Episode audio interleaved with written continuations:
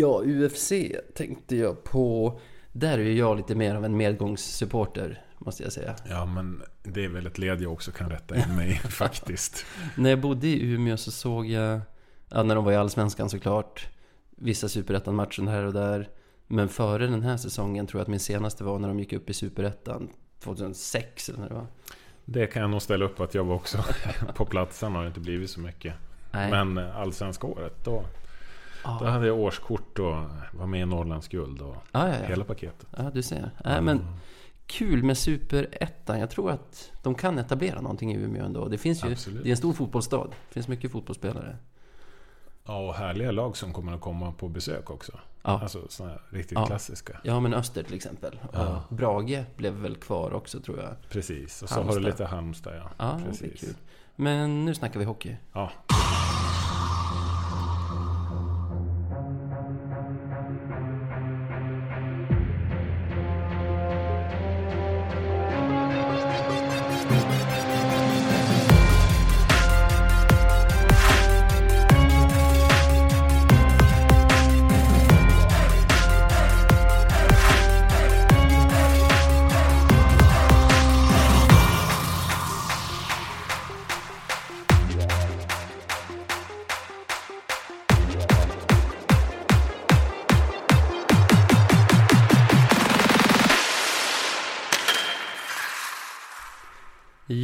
Då önskar vi välkomna ännu en gång till Radio 197,0. En podcast av lövare för lövare. Precis vad det är och som ni hörde var det där inte Sebastian. Han är kvar i Umeå på grund av sjukdom så som tur var hade vi redan en gäst inplanerad och han heter Olof Baudin, Umeå-profil, PR-proffs. Och jag tänkte Olof eh, att jag får presentera det jag vet om dig så får du fylla i luckorna. Okej. För vi känner ju varandra genom Twitter egentligen. Men jag minns från 90-talet när jag var tonåring att du hade att du var nöjesredaktör för VF. Precis, det var jag. Och sen har du dykt upp i, på min radar igen i och med .pr. Ja.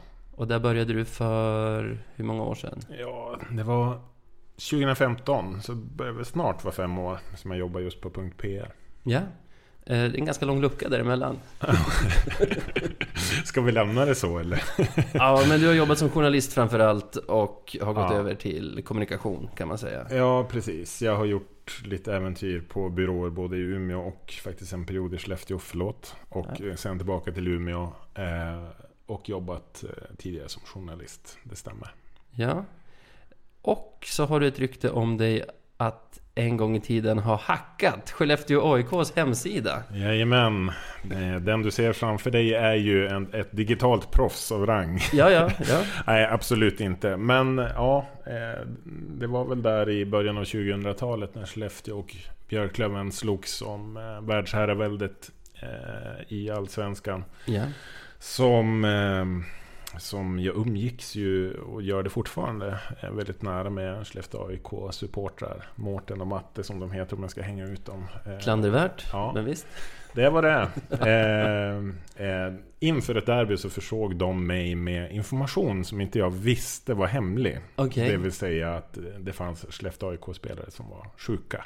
Ja, Så att jag skrev ju det glatt på vårt forum på den tiden. ja. Eh, Vad kan det ha hetat då? Du som har... Det var ju Björklöven.com hade ju ett eget forum fram tills TCIM startade. Jag vill säga 2003. Ja, Ta det för vad det är, en gissning. ja men vi säger det. Eh, så att jag, jag la ut ett inlägg där om att nu har vi chansen. Skellefteå AIK har sjukdomar. De här tre stjärnorna är borta. Oj, oj, oj. Och det snappar ju Skellefteå AIKs webbmaster på den tiden upp. Ja, Och... Eh, eh, var det han Winterqvist? det är korrekt. Mikael? Ja. ja. Precis. Men eh, han tipsade Norran om det eh, och Norran drog det på både första sidan och löpet att en journalist i södra länsdelen hade hackat Skellefteå AIKs hemsida. För det visade sig att det där var då låst medlemsinformation som man bara kunde ha om man hade någon typ av inlogg. Eh, så det byggde ju på en ganska stor missuppfattning. Eh, och någonting jag fick bära med mig där under ett dygn och skratta lite grann åt. Eh, du som publicist, eh, jag vet inte, att de hoppar så snabbt på, på, på den grejen att, att du skulle ha varit någon sorts hacker. Ja, precis. Jag fick aldrig chansen att svara på, på eh, kritiken, höll jag på att säga, på anklagelserna. Eller ge min version av det hela. Vilket är ju anmärkningsvärt. Men så var det. Jag vill påstå att Norran var den veckans Marklund då, på alla sätt. Mycket möjligt. Men anledningen, eller inte enda anledningen kanske, men du är ju här idag för att prata lite om någonting som heter gröngul kompis. Precis. Eh, lite kort, om du, vad är hisspitchen? Gröngul kompis? Ja, det är ju Björklövens CSR-projekt ja. kan man väl säga. Som eh, handlar om att jobba med eh, värdegrunden på olika sätt. Då, men mer ja. riktat då eh, i första hand till barn och ungdomar i föreningen men sen också ut mot skolor. Det vill säga eh, prata om hur man beter sig när man är en gröngul kompis. Ja. Hur är man schysst och välkomnande? Ja. Eh, på, på vilket sätt beter man sig då? Och där är det Björklövens stjärnor Ja. eh, som, som leder utbildningarna. Det finns då en utbildningsstund som är själva kärnan i, i Gröngul kompis. Så det är första hand då Fredrik Andersson och Emil Norberg från herrarna och så Lina Hedlund från damerna som leder de här utbildningsstunderna. Kul! Och för lyssnarna kan vi berätta, CSR det är ju alltså samhällsansvar eller vad man ska kalla det. Alltså när en Precis. organisation eller företag eh, tar någon sorts communityansvar eller Ja. så, ja. Eh, när föddes idén till Gröngul kompis? Eh, som du vet har Björklöven ju gått igenom en hel del och, och, och för några år sedan eh, tyckte vi nog ganska många att vi befann oss på någon typ av botten. Mm. Eh, det var Mm. både sportsliga motgångar eh, men också problem med annat. Mm. Det var dödsfall, svindleri, Ja, misshandelsanklagelser och annat som Mm. gjorde att varumärket blev solkat. Eh, och vi kände väl väldigt starkt att vi behöver jobba med delar som inte rör själva sporten. För Ja. att ge möjlighet att skapa lugn i sporten. alltså .pr jobbade redan med Björklöven med kommunikation och så. Ja, vi inledde ju samarbetet egentligen i den stund som jag kom tillbaka till Umeå och började Ja. jobba på .pr. Ja, Så, okej. så det, det har ju varit en resa från Fredrik Åkerblom via Jocke Gustafsson då till Anders Blomberg idag. Eh, och alla de tre har gjort ett fantastiskt jobb med att bygga, eh, fortsätta bygga Björklövens eh, varumärke, eh, jobba med värdegrunden och med den här typen av projekt. Det var ju tidigare de rätta färgerna och det är egentligen ja. det som Gröngul kompis bygger på. Ja. ja, jag blandar ihop dem. Jag tänkte de rätta färgerna nu.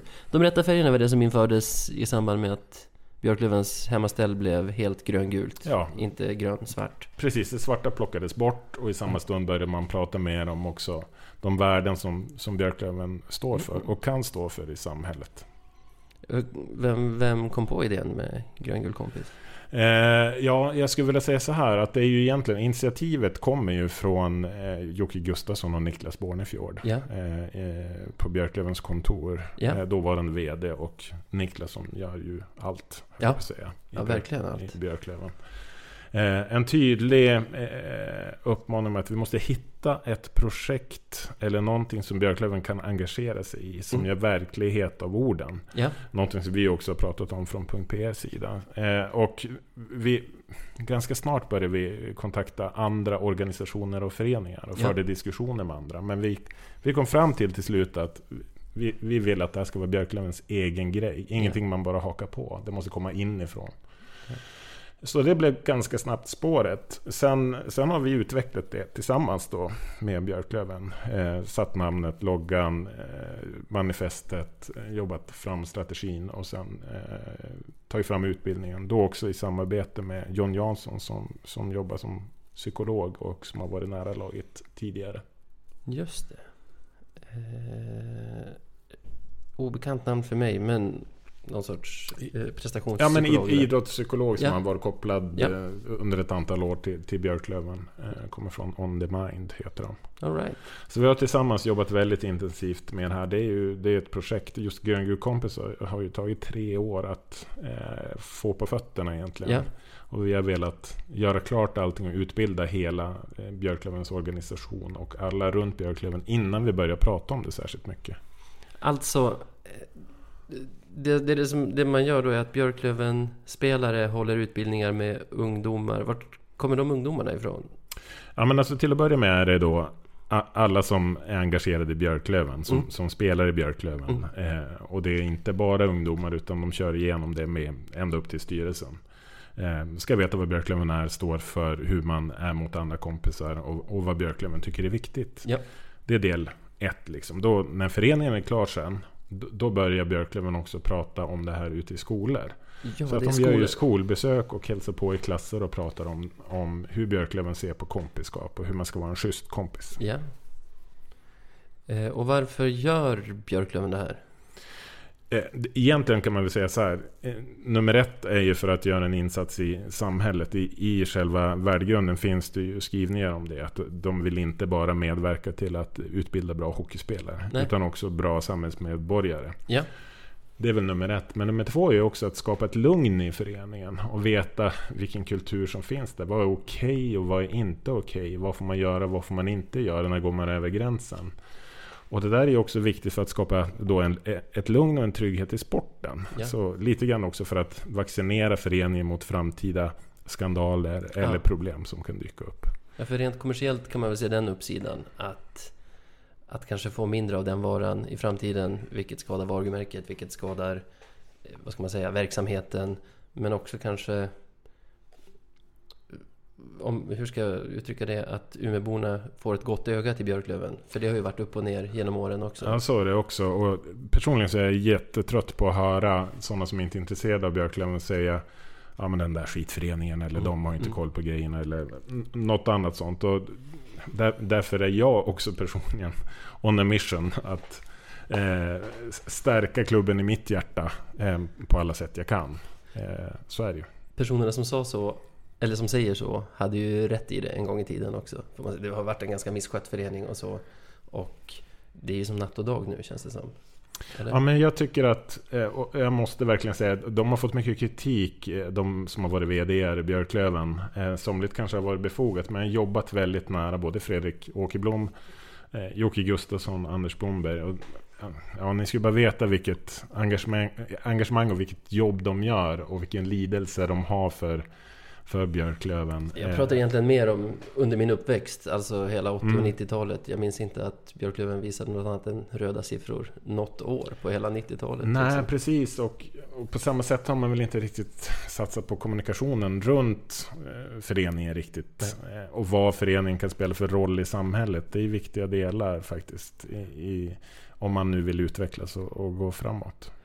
Hur har det mottagits då? Om vi börjar med eran, ska jag kalla det för eran kund? Eller eran uppdragsgivare, Björklöven. Hur, är de nöjda med Grön kompis? De är absolut nöjda. Eh, och vi känner väl att vi vill göra ännu mer. Ja. Det kliar ju i fingrarna. Eh, inte bara hos oss utan från väldigt många i, i och kring Björklöven. Att, Mm. att ta ut det här ännu mer.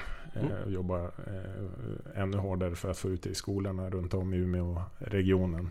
Så ja, positivt eh, gensvar naturligtvis. Och det är härligt att se spelarnas engagemang. Det är Ja. inte helt självklart. Nej, men, inte. men i Fredrik Andersson och, och i Lina och Emil så har man fått personer som verkligen eh, kan bära det här projektet. Och det är fantastiskt att se dem stå där och prata så naturligt om de här sakerna. Det är glädjande. Mottagarna då? Alltså de som ni hälsar på ute i skolor och, och sådana grejer. Eh, hur, hur har det tagits emot där? Ja, men det är bra mottagande. Men, Ja. men som med allting så behöver man, och, och det gäller ju väldigt mycket så i mitt jobb, att försöka hitta delar som vi kan förbättra. Och vi får ju väldigt mycket synpunkter på delar som vi kan förbättra. Och det, Ja. det handlar om att skruva i de där delarna för att göra, göra insatserna vassare allt eftersom och hitta rätt nivå på snacket med, med barnen så att man inte pratar över huvudet Nej. på liksom 7-8-åringar eh, om hur man pussas och inte eh, och om killar som går hand i hand. Det kan vara lite Ah, eh, speciellt. Så Ja. det gäller att hitta rätt där. eh, du nämnde att ni har massor av idéer. Går, går det här att fördjupa på något sätt? Har du några visioner för det? Eh, ja, men jag tänker att det här är ju någonting som eh, väldigt många i ledningen, styrelse, också spelarna känner starkt för. Så att ur mitt perspektiv så finns det alla möjligheter i och med att vi får, får den utväxlingen och, och får den responsen vi får. Så handlar det bara om att hitta rätt sätt att göra det. Men framförallt är det ju här någonting som ska upprepas år efter år. Så att det inte bara stannar vid en utbildningsstund. Utan att det är återkommande besök, återkommande snack. Så att vi på sikt också kan få en, en kultur i Björklöven som, som är av, av ett snitt som gör att andra tittar på oss och blir imponerade. Ja. Men beskriv känslan, du är ju i grunden Löven-supporter. Att få jobba med klubben. Ja, men det är ju såklart en dröm som jag har haft Ja. ända sedan jag var liten och, och växte upp på ståplats H egentligen. Ja. Eh, så det är ju häftigt att, att få hjälpa till. Men jag, jag är väl så här, eh, som jag har resonerat, att det är lätt att stå vid sidan av och, och grymta och gnälla och tycka att allt är för jävligt. Eh, man kan kavla upp ärmarna också och göra det man kan och försöka hjälpa till med den expertis man har. Nu råkar den jag och vi har, för det är inte bara jag som har det här brinnet Nej, i .pr utan det är ju som hela gänget som är björklövare. Men då kan, vi, då kan vi hjälpa klubben i vårt hjärta med, mm, ja, på det bästa sätt som vi kan hjälpa till. Eh, och lite så jag resonerar. Och det är som ingenting att fundera på, det är bara att kliva in. Ja, det låter ju som en supporterdröm att få liksom, bidra med det man själv är bra på till, till den förening man supportar helt Ja, enkelt. och det finns ju fler exempel på det eh, runt om Björklöven på många plan. Allt från Jonk som sköter musiken till, ja men du, Ja. du vet ju Kassman som gör Ja, ja, ja. intervjuerna. Och det, det finns ett engagemang som är beundransvärt. Ja. Du, det här ger dig tillgång till det inre av klubben också. Du vet saker som inte jag vet till exempel. Ja, det vet jag. Och får vi se hur mycket av det vi kan dra ut dig den här närmsta timmen eller vad det kan bli.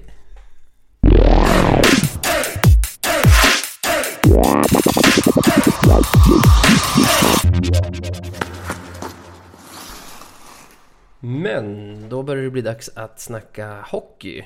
Och i veckan som gick, den började med... Alltså veckan sen förra avsnittet började med bortamatch mot Tingsryd. Ja, precis. Och det brukar ju vanligtvis vara en tuff batalj väl? Jag är alltid livrädd när de ska ner till Nelson Garden Arena. Ja, faktiskt. Jag har varit utanför den där arenan men inte sett Ja. någon, någon match. Jag var fika på Börjes med min farsa. Legendariska Börjes. Ja. 0-0 efter första perioden som var en ganska jämn period ändå. Även om jag tycker vi trummade på bra. Men sen blev det ju åka av. Tidigt i perioden. Hutchings till Vessel, Vessel till Crandall. Ganska snyggt mål. Ja, Eh, verkligen. Pass genom centrallinjen och så. Och jag hade tänkt kolla upp men har glömt. Det känns som att den kedjan när de producerar 5 mot 5 är oftast 5-0 mål, 6-1 målet. Att det ofta är andra linjer som kliver fram när matcherna står och väger. Så positivt att de fick, att de fick göra skillnad på det sättet. Även om de gör i powerplay såklart. Ja, verkligen. Och, och de är ju vassa i powerplay. Ja. Naturligtvis. Och vid det här laget, jag måste bara säga Mm. att det stod ju 0-0 efter första perioden. Men jag, tyck, jag tycker ändå det kändes stabilt. Ja. Fast det gjorde det efter den första mot Modo också. Det, du vet hur det är. Som supporter är man ju alltid så... Ah, kom igen, gör ett mål. Men sen är vi hemma tycker jag, efter 1-0. Eh, Det är exakt den där sitsen vi vill sitta i. Ja, Att vi kan förlita oss på vårt försvarsspel och vårt målvaktsspel. definitivt. Det var kul att se Pettersson få hålla nollan och göra en sån bra match. Han Ja, var ju fantastisk. Ja. Ja. Och bara genom att hålla dem på utsida och liksom förlita oss på det vi kan så kommer vi, vi vet att vi kommer få spelvändningar, vi vet att vi kommer få powerplay och det är två saker vi är bra på. Och så kommer det en spelvändning mitt i perioden, tar sig Weigel in i offensiv zon. Ganska snyggt mål. Han smäller upp den i bortre Ja. krysset.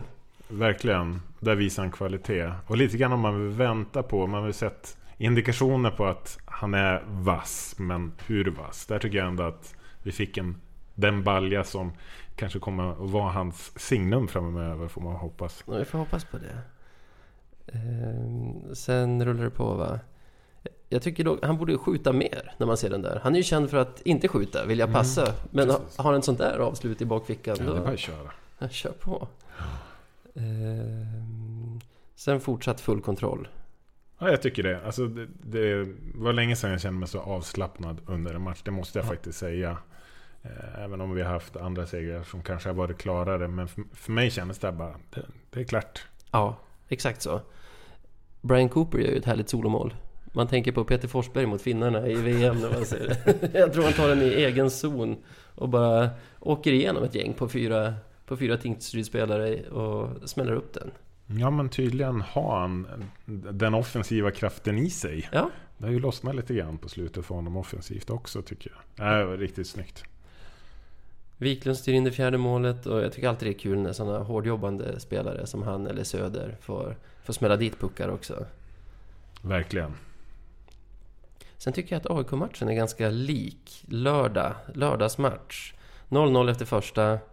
Det känns inte som de hade haft någon supergiftig chans på hela den perioden. Egentligen på hela matchen. De gjorde ett mål, men jag tycker aldrig att jag tycker aldrig att det osade katt något speciellt runt... Ja, kanske inte något speciellt, men jag tycker ändå att... Ja, det var ingen större insats från Löven heller i första Nej. perioden. Nej. Eh, Och lite grann att man körde fast. Vi öppnar ju ändå andra perioden med att Freddan gör mål i powerplay på pass av Weigel. Och det är samma där som mot Tingsryd. Då kommer mitt lugn. Nu vet jag att vi kan spela så som vi vill. Och vi kommer troligen komma undan med det. Ja. Vi är väl ett lag som agerar som bäst när vi har ledningen Ja. då, naturligtvis. Ja, Det är en klyscha. Men ändå, det blir ett annat lugn i laget också, är min Ja. känsla. och jag tycker att lag som gör första målet mot oss kan lite hitta ett motmedel mot vårt spel genom att inte gå in så hårt offensivt utan egentligen backa ut på, på mittlinjen så fort vi vinner puck och vara samlade liksom när vi kommer. Men när det är vi som leder och de andra som måste framåt då, då känns vi oslagbara. Ja, det, det är ju det som händer också mot AIK. Att AIK måste kliva på, börja kliva på och Mhm. har ju enorma luckor i sitt lag. Det är bara att kliva rätt igenom och det är därför det är därför vi så lätt kommer till de här chanserna och sätter Ja. puckarna. Ja, det och powerplay får man säga i den här matchen. 2-0 Hutchings och sen två snabba utvisningar på AIK. Det först Wille Eriksson utnyttjar 5 mot 3 överläget till att göra 3-0. Och så stänker Andreasson in dit 4-0 i liksom 5 mot 4 som följer på den 5 mot 3 Och där är ju AIK jättedåliga. Ja, ja. Ursäkta men Ja. alltså det är ju otroligt klantiga utvisningar de tar också. Slarviga hänger inte med. Nej, Eh, Och där är det bara hiss rakt ner Ja. till, till garageplan. jag tycker de här två matcherna är ganska lika varandra. Det rinner ju iväg mer mot AIK. Kan ha lite att göra med att deras målis Johannes Jönsson inte var med. Så de hade andra målisen August Hedlund i baljan.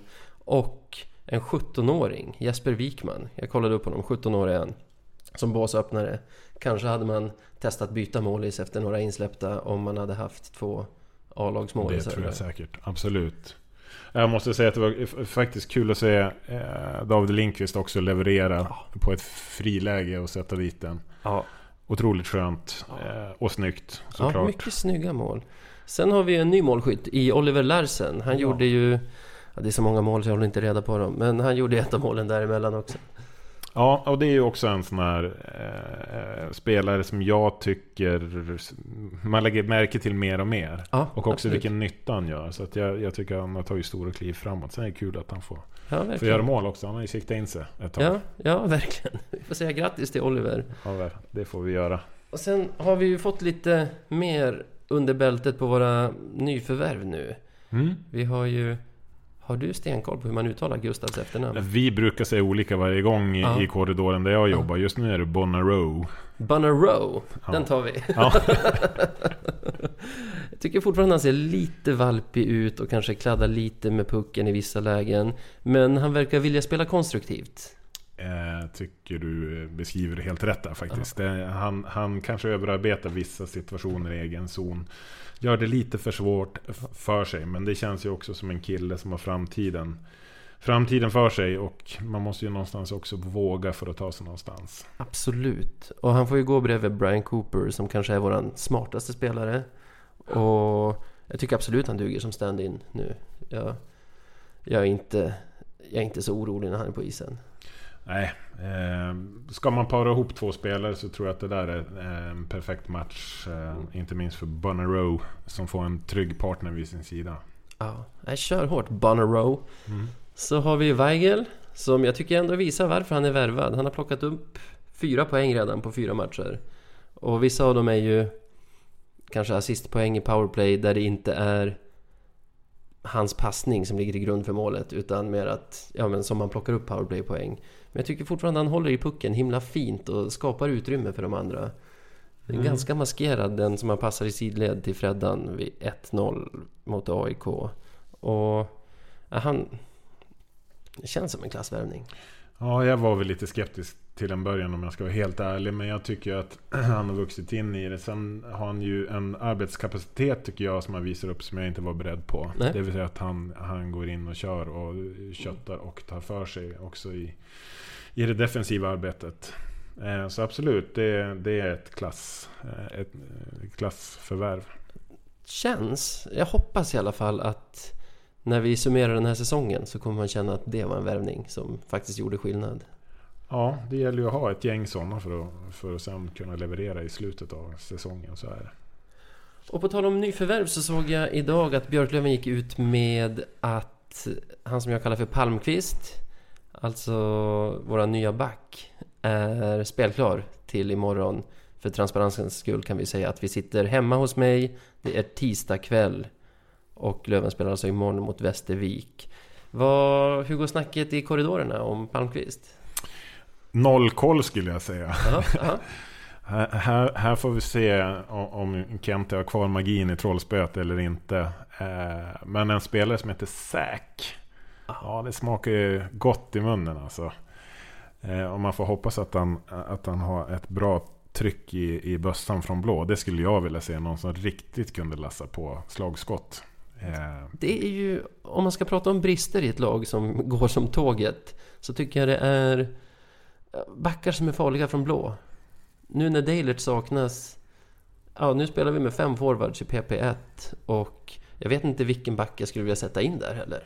Nej, vi väntar nog på Deilert som det känns just nu. Det, eh, jag tror när, när vi får honom på plats så har vi ju ett powerplay som är helt sjukt vasst. Eh, och en trygghet dessutom bakåt som inte riktigt har med den här forwardsuppställningen tycker jag. Nej. Vi behöver någon guard där bak som kan rensa upp och hålla ordning eh, och styra de andra. Men vi får väl se om, om Säk är en sån där pusselbit som kan läggas till också. Eh, för vi har ju också en andra lina i powerplay som, som funkar rätt bra men som säkert kan bli ännu vassare. Absolut.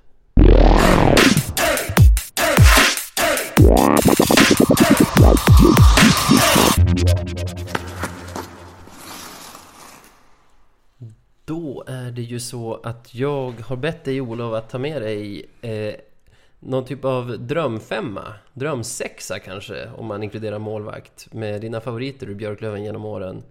Och jag har gjort en egen också. Så vi kan väl ta och bränna igenom dem. Det tycker jag vi kan göra. Eh, jag har också utifrån eh, ditt snack inför den här podcasten också eh, sorterat om lite grann. Så att, att vi inte har så enbart 87 tungt lag att det. presentera. Jag gillar det. Eh, för jag fick en morgongåva av min fru när vi hade gift oss. Så fick jag eh, hälsningar för, från var och en utav de spelare som jag ser upp till mest i Björklöven. Och, eh, och det var ju min dåvarande drömfem eller drömsexa. Ja, Eh, Men jag har justerat lite grann i den för att göra den lite mer spännande. Och så kommer jag faktiskt också med eh, tre stycken bubblare på slutet som jag ändå vill ha med på något sätt som något hedersomnämnande. Kul. Jag måste erkänna att jag har faktiskt också försökt ta med lite olika epoker av mitt supporterskap om man säger. Så vi kan väl börja i mål. Vem har du där? Ja, då gör vi eh, Lynx, eh, Sebbe glad. Ah, genom att placera Jörgen Wikström i mål. Eh, en, en man som motade puckar då eh, och som har varit engagerad i Björklöven på massa olika sätt och som jag kommer att lära känna på senare år. Det kan spela in i mitt val men eh, han var ju en eh, vägg i sina vassaste stunder och eh, han bar oss under många säsonger eh, och gjorde därtill mål i elitserien. Eh, Så en Löven-legend placerar jag eh, mellan stolparna eh, och reservmålvakt viskar jag fram i Göte Wellertal. då. ja, kul. Jag har faktiskt också Jörgen Wikström. Jag förstår ju att Göte är den bästa vi har haft rent kvalitetsmässigt. Men det här är en subjektiv lista och Jörgen var vår sista utpost under mina kanske mest formativa år som lövare. När jag var 8 till 18. Och ja, du har egentligen sagt allt som behöver sägas. Eh, jag minns framförallt hans insatser i de magiska matcherna mot Troja 93 och Södertälje 98. Ja, och Södertälje 98 är ju faktiskt min största stund i ishallen, Ja, vill jag ja, mena. Ja, Eh, känslomässigt och ljudnivåmässigt de sista minuterna när publiken står upp och, och skanderar kämpa. Ja, det var, det var faktiskt en helt otrolig kväll. Jag har fortfarande en minnesbild på näthinnan. Det där var ju Anders Eldebrinks sista match. Och Med han hade... Björn Borg på läktaren dessutom. Just det, just det. Och det är ett, ett läge av matchen som han får pucken. Det står 1-0 till Löven. Vad fan hette han då? Daniel Wågström hade gjort Lövens mål. Eh, jag står alldeles i skottlinjen och man ser hur rutinerade Eldebrink verkligen väntar in att Wikström är så skymd han bara kan vara. När han liksom viskar iväg ett skott mot stolproten.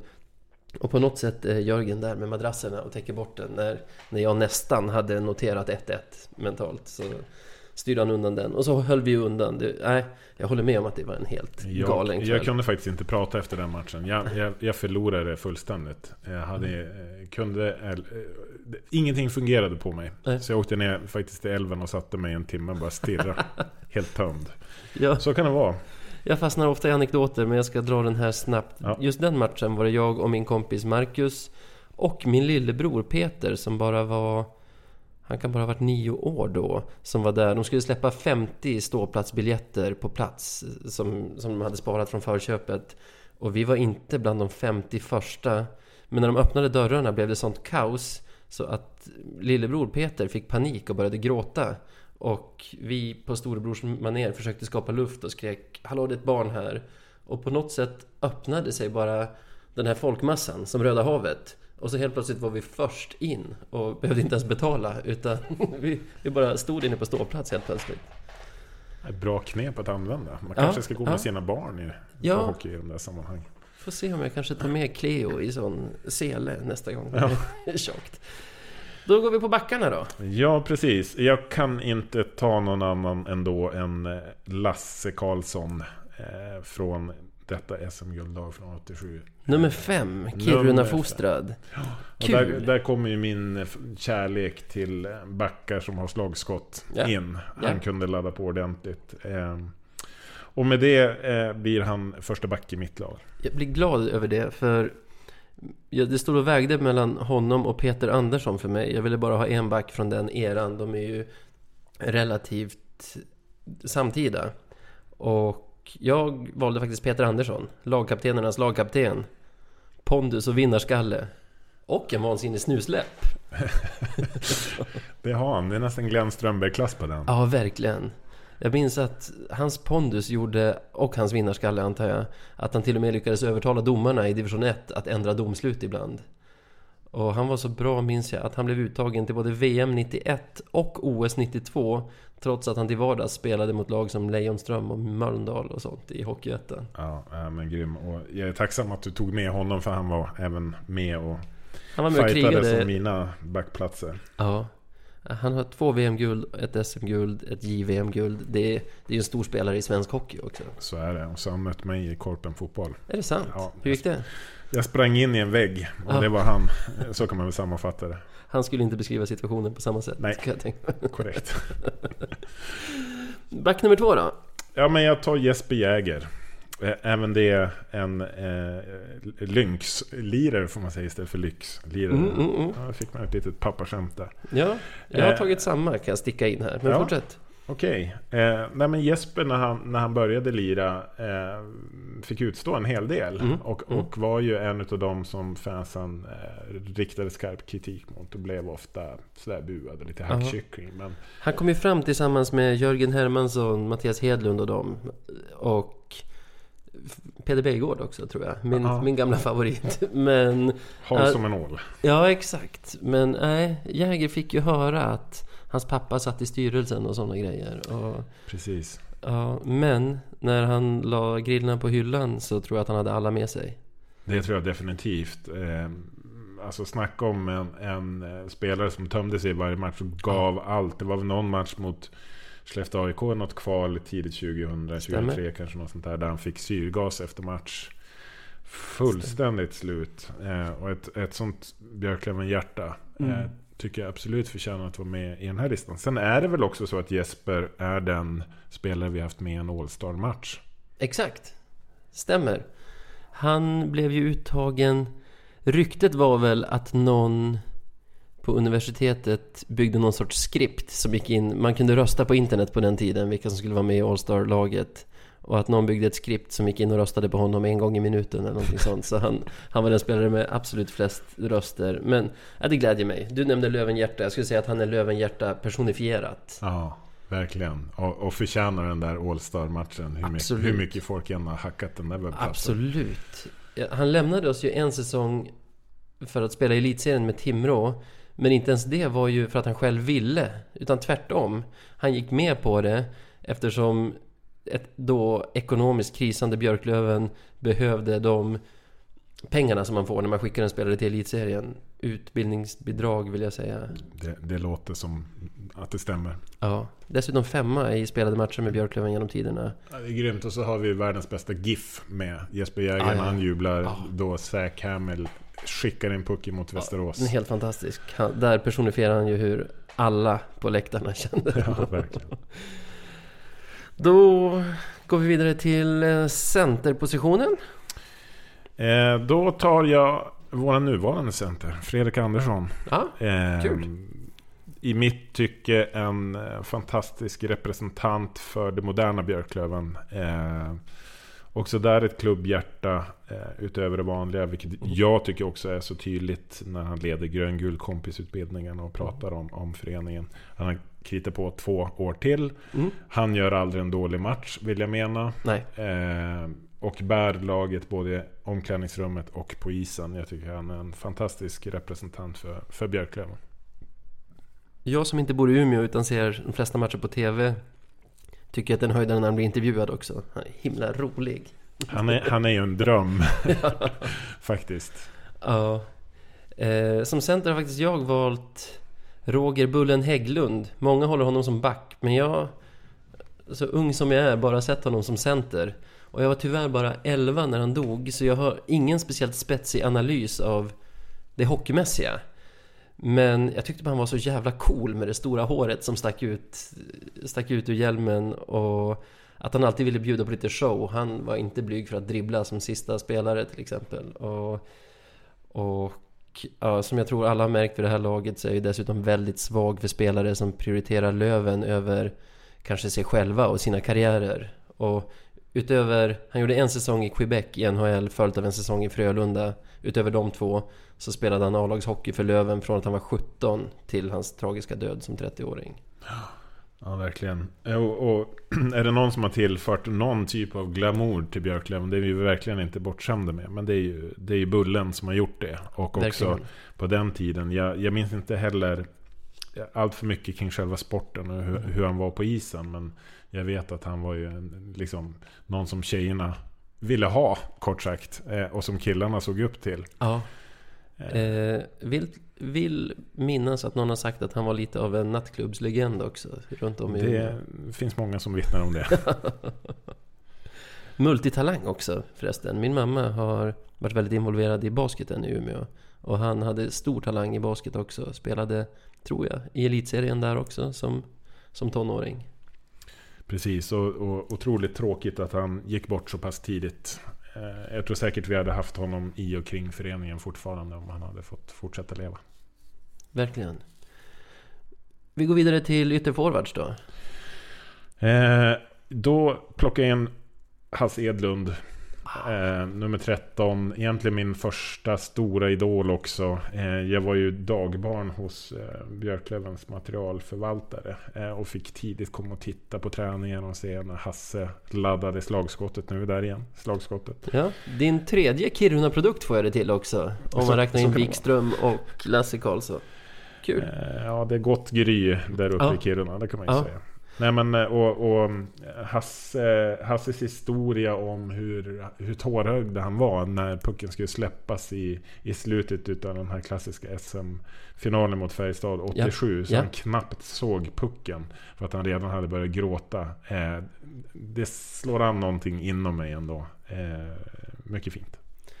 Som varande sexåring på den tiden när, när den SM-finalen vanns så minns jag mest Hasse att han gjorde mål i den matchen. Vi säger 5-1 målet fastän det kanske var något annat. Och att hans målgest då var att i eufori lägga sig på rygg och bara sprattla med armar och ben. Det tyckte jag var för jävla häftigt. Är du säker på att det var Hasse då? Det kanske var det. För Johan Törnqvist gjorde väl en liknande manöver vill jag minnas. Ja, I så fall är det jag som är driftkucku på Twitter hela, Ja, hela Vi morgondagen. får se. Här blir vi rättade. det, det kommer vi bli. Ja. Eh, Hasse är ju faktiskt inte med i mitt lag, men den som är ansvarig för värvningen av min första ytterforward som är Alexander Beljavski.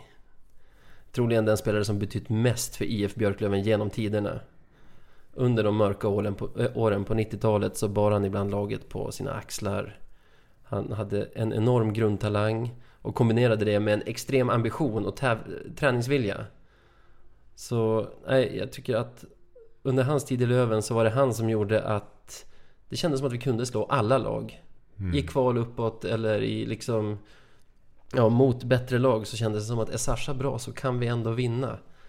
Och jag tycker det är talande för hans betydelse för klubben att den säsongen han drog på sig den knäskadan som avslutade karriären det var också den första säsongen i mannaminne som vi inte var en contender till elitserieavancemang. Eh, har inte riktigt varit sen dess heller. Precis, och, och jag ska lägga till där att det är min, min sista men min största. Ah. Ah, egentligen. Kul! Eh, och det är precis som du, du beskriver. Eh, för mig personligen tror jag inte att det finns någon Björklöven-spelare som har betytt mer. Jag har aldrig träffat honom. Eh, ingen personlig relation. Men mm. Eh, han gav oss hopp på ett sätt som jag tror ingen annan har gjort. Eh, eh, och han kunde avgöra på egen hand matcher. Ja. och tränade hårdare än alla andra. Ja. blev bättre än alla andra. Och, och höll ut länge också. Var Björklöven trogen. Frånsett, nu tittar jag på kalenderbiten framför mig. Men det var en säsong i Frölunda va? 94-95, ja. Som fick nöta bänk, eller på att säga, eller fjärde, tredje, ja, fjärde. Han hade ju Borken som tränare som, där, som inte alls diggade honom på samma sätt som vi i Umeå gör. Nej, precis. Han ska ju få utrymme att, att eh, komma med sin fart och teknik och skapa öppningar för andra men också kunna hänga dem själv. Och, och du minns ju matchen mot Troja 93. Absolut. Eh, där han var tungan på vågen. Ja. Nej, det var verkligen så att det... Även om det var liksom skitnovember och underläge så när han hoppade över sargen, blev inbytt för sitt kanske, ja för, för ett byte vilket som helst i matchen så var det som att hela arenan ändå spetsades till lite. Nu kan det ändå hända någonting. Precis, och sen är det väl rätt talande också att han förmodligen är den mest hatade spelaren utav Skellefteå AIK-fansen. Han ställde till det en och annan gång för dem. Ja, det gjorde han. Eh, vi har varsin ytterforward kvar va? Jag tror att Nej, du, du tog ju Sasha jag där. Jag tog. Sasha. Så, så du, har som... dragit din femma? Ja, jag har bara mina hedersomnämnda. Dina kvar. Men då tar jag min sista här först. Mm. Jag drar smygen, jag säger inte vem det är. För eh, min sista här är faktiskt en kompis till mig. Så för att undvika nepotism så hade jag först inte tänkt ta ut honom i mitt lag.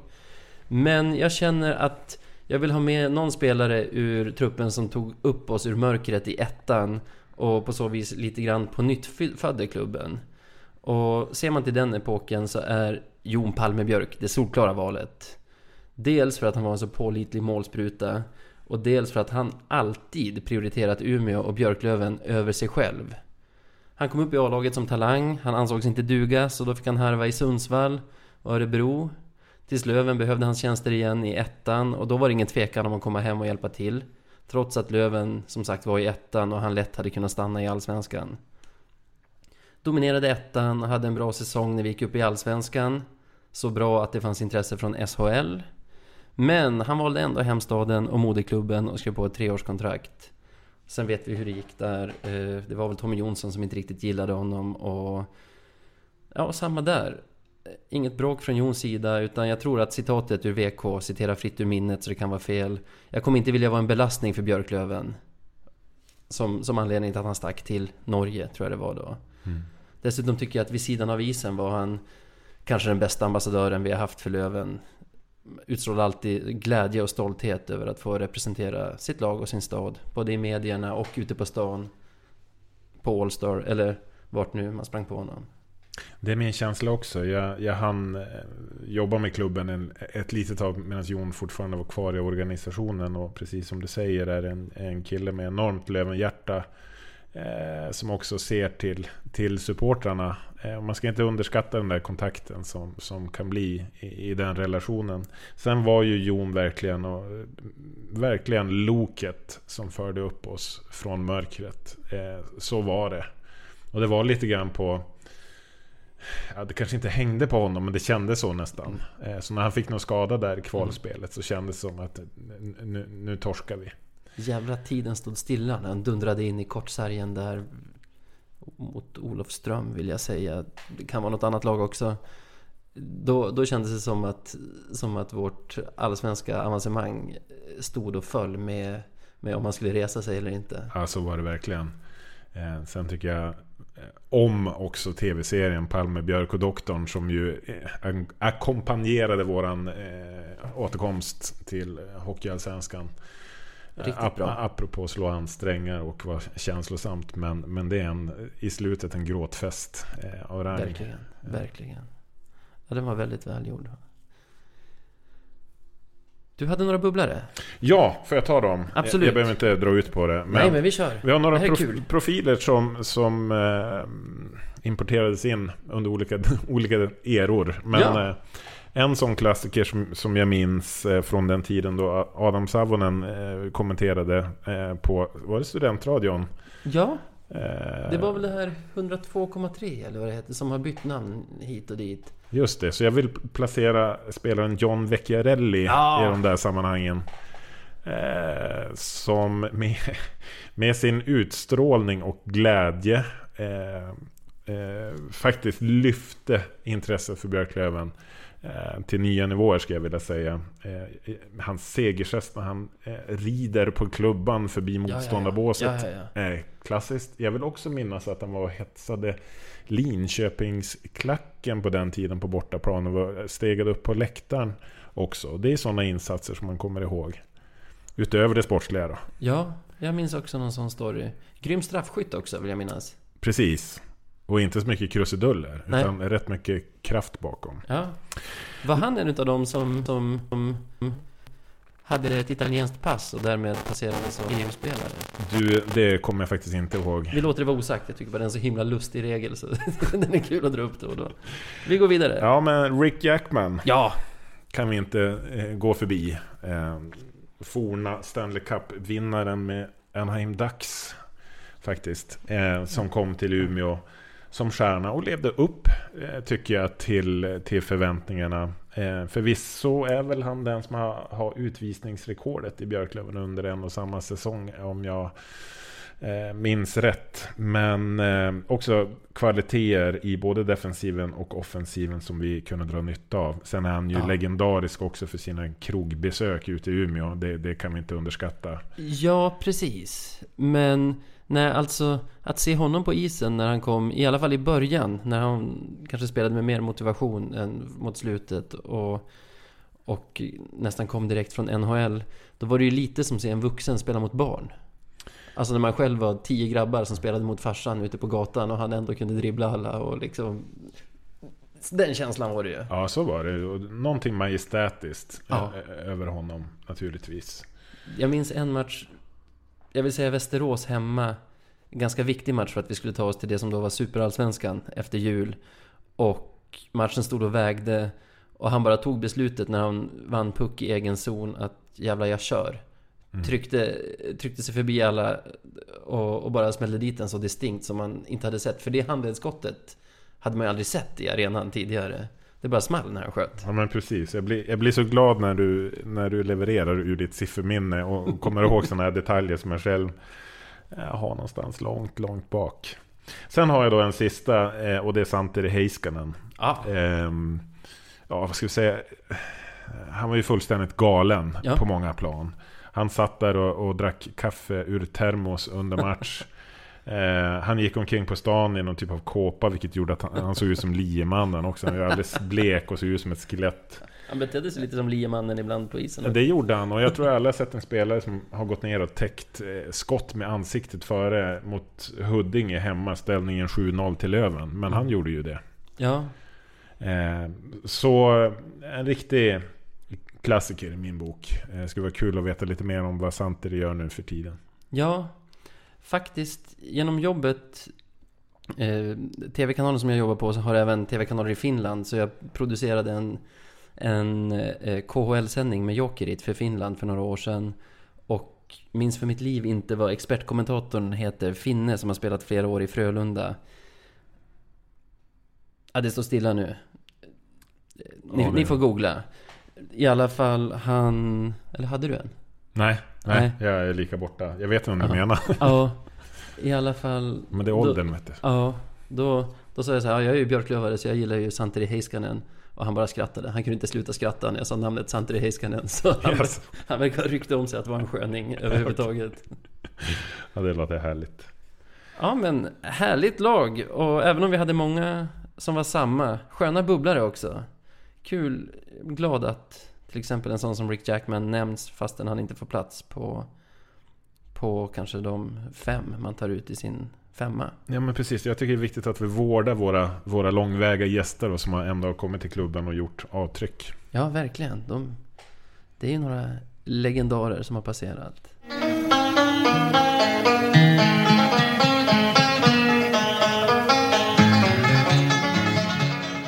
Veckans Marklund. Ja, dags för veckans Marklund igen och det är ett segment där vi utser veckans mest klandervärda person. Och Olof, du har med dig en nominering. Ja, jag skulle vilja nominera de här två hockeysupportrarna eh, från, som håller på Skellefteå som... som Riktiga Marklunds alltså. Ja, riktiga Marklunds kan man misstänka som har attackerat då och eh, eh, misshandlat en Luleå-supporter under en match i Skellefteå. Eh, och där finns också fångat på övervakningsfilm så att caset är rätt starkt. Men eh, visst, glåpord, eh, hårda ord, eh, tuff stämning, allt är väl okej men man, man, man slåss inte, så enkelt är det. Det, det är ju gränslöst beteende att, att gå till fysiskt våld. Ja men så är det och särskilt när det är vuxna män som ger sig på ett barn Som i det här fallet Det var så det var ja. Det var en 29-åring och en 30-åring mot... En, Ja en, en person i tonåren står det Herregud. Eh, Det är inte okej Det är klandervärt. Mycket Hade du någonting? Ja, jag har faktiskt ingen misshandel med mig, men väl ett misshandelsförsök. Jag visste inte ens vem Robin Jakobsson var före mordförsöket på Kim Karlsson för några år sedan. Så irrelevant är han som spelare.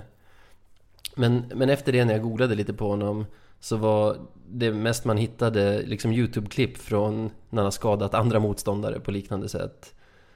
Och så har man inte hört, honom, hört något om honom på, på några år. Så skulle du ha frågat mig skulle jag antagit att han slutat med hockeyn. I dagens hockey finns det inte riktigt någon plats för den här typen av talanglösa instigators som mest är med i lagen för att skrämma motståndarna. Så döma min förvåning under senaste sillyn när han var klar för Gnaget. Och han gjorde ju sin comeback i Umeå här i lördags. Och det första han gör, jag minns inte vilka spelare det var, men hans första byte så går han för två riktigt sena tacklingar som att tolka från sidan inte har någon annan avsikt än att försöka skada motståndaren. Och så fortsatte det. Jag tycker all heder till Umeå-publiken som gav honom vad han tålde där uppifrån.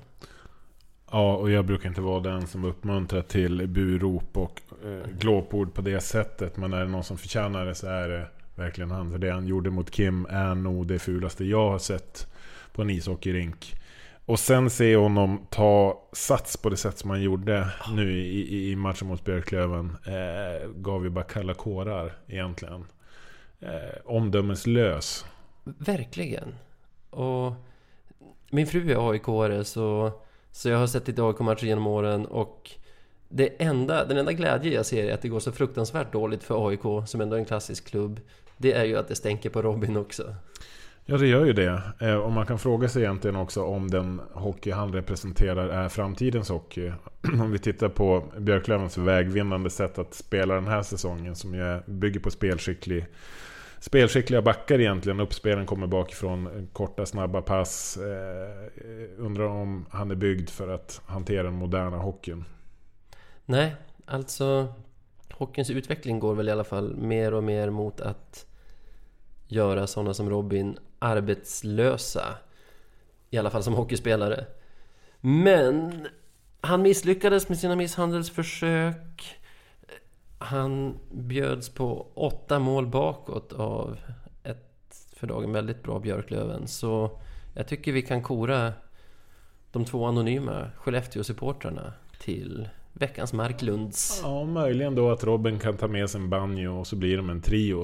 Eh, där har vi ett bedrövligt gäng. Ja, verkligen. Men vinnarna, två anonyma Skellefteåbor. Grattis till er! Grattis!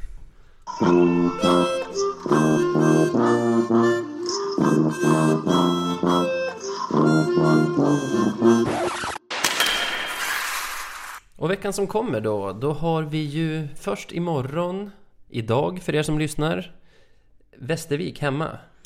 Ja, vi har ju det. Och jag har varit livrädd för den här programpunkten också eftersom eh, jag är vidskeplig. Alltid Ja. varit. Eh, jag brukar inte tippa Löven-vinster. Nej, men det är bra, för vi får inte tippa Löven-vinster båda två i alla fall. Så Ja. det är fritt fram för mig att göra. Men det är ju en säsong som inbjuder till att tippa Björklöven-vinster för första gången i mitt liv. Verkligen, verkligen. Men Västervik har ju utvecklats till lite av vårt boogie-team, får man säga. Ja, det är väl det främsta bogey-teamet. Eh, Det brukar också vara så att när vi är matchvärdar från .PS sida så, så brukar det vara mot Västervik och då brukar vi förlora med sådär 2-0, 3-1 eller något sånt. Är ni matchvärdar imorgon? Nej, vi är inte det. Yes! Så där, så där kan vi ha det klart. Ja, ja. Eh, nej, men vi ska inte... Alltså så här, Björklöven spelar riktigt bra ishockey. Ska vara ett bättre lag än Västervik. Och allt det där, jada jada. Eh, spets och så. Men Västervik får ju eh, Superman eh, kraften när de kommer till A3 Arena. Så är det. Så det kommer säkert bli tufft. Ja, kul att få, återförse, att få åt- återse Sebastians favorit Alexis Binner också. Det har ju gått några veckor nu. Ja, precis. Vi får se vad han hittar på. Eh, men, men jag tror att det blir eh, liksom, lösningen för, för Löven det är att göra första målet i vanlig ordning. Eh, Västervik kommer spela så kompakt och samlat de bara kan. Inte bjuda på någonting, sen gå på sina kontringar. Eh, har vi en någorlunda bra dag så ska vi faktiskt kunna stöka undan Västervik. Eh, helt nyktert. Men eh, eh, ja, vad ska vi tro? Har vi några siffror att komma med? Du låter optimistisk, så jag tippar torsk 2-1. Tack för att du gör det. Nej, men jag kan ju inte tippa seger. Eh, men, men vi säger oavgjort då. Mm. 3-3. Ja. Vilka tar bonuspinnen? Eh, Björklöven kommer göra det, men jag säger Västervik då för att Björklöven ska kunna göra det. Alright. Sen kommer det ju att bli fredag. Björklöven kommer till Södertälje. Kul grej där. Jag skulle egentligen jobbat på fredag, men såg det här tidigt så jag fixade ledigt. Sen glömde jag bort det och bjöd in bekanta på middag här på fredag. Samma bekanta som jag avbokade med bara två dagar i förväg för att kunna se AIK Löven på Hovet. Så, fredagens match kommer jag nog att få se i efterhand på natten. På, ja, natt mot lördag helt enkelt. Nog om det. Vad, hur, hur ser du på den här matchen i förväg? Ja, SSK borta har ju historiskt sett också eh, varit en svår bortamatch. Eh, utvecklingen på senare tid har ju varit en annan.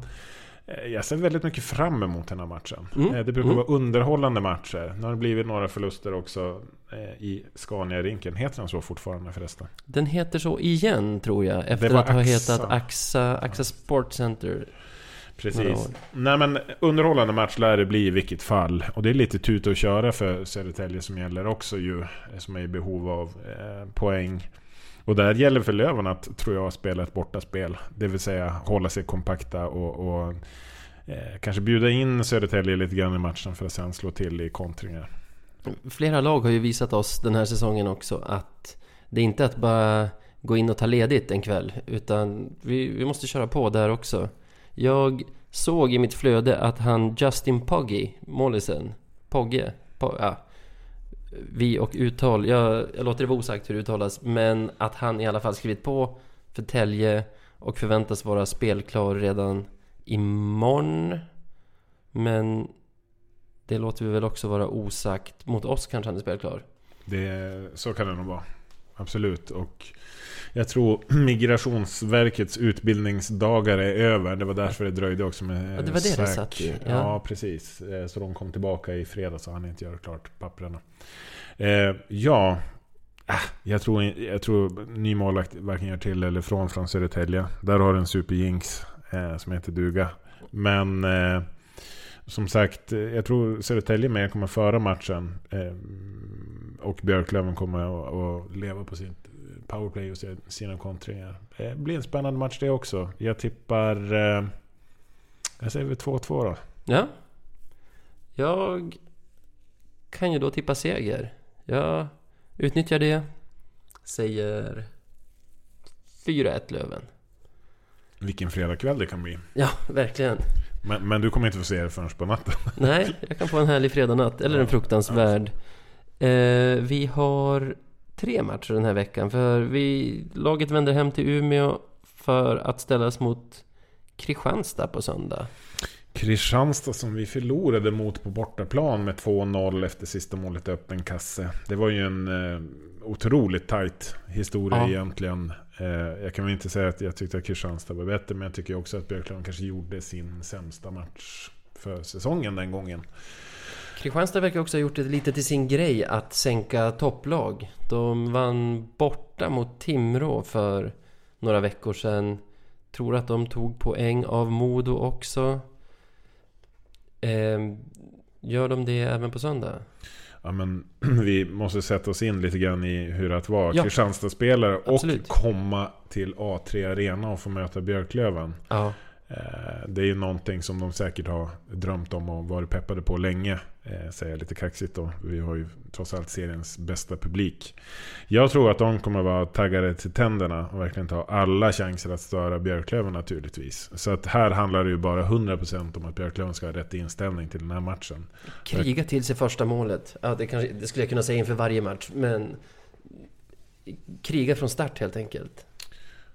Precis, och jag, den här gången vågar jag faktiskt vara lite positiv. Jag tror inte Björklöven torskar en till match mot Kristianstad. Så eh, nu får vi se om den här jinxen är en jinx eller inte. Men jag tror Björklöven städar undan Kristianstad och vinner med 4-1. 4-1. Jag säger väl i så fall förlust 3-2 efter straffar. Oj! Eh, ja men apropå straffar förresten. Hur har vi det med straffarna i år? Har vi haft så många straffläggningar och kan vi, kan vi se någon tendens i vårt straffskytte? Jag tycker tidigare säsonger så har vi ju inte varit urstarka direkt när det kommer till straffarna. Nej, nu måste jag tänka. Jag tror bara att vi har två kryss det här året. Modo hemma som vi vann under förlängning. Och sedan Västervik hemma. Gick den till straffar? Ja, det gjorde den. Ja, Det var ju den vi och förlorade. blev- där blev det förlust ja. ja. För, för tidigare så har vi haft Jakob Andersson som vår speciella straffskytt. Nämn inte namnet. Nej, jag tar tillbaka. Nej, men det blir en spännande vecka.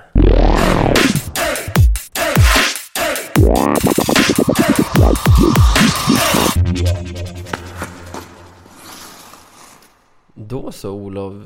Då återstår väl egentligen bara att tacka för att du kom hit och tog dig tid nu när du var i Stockholm här. Ja men tack själv. Och jag måste verkligen säga att jag uppskattar den här podden otroligt mycket. Vilket jag tror att många Björklöven-supportrar där ute gör. Men också från föreningens sida. Tror Kul!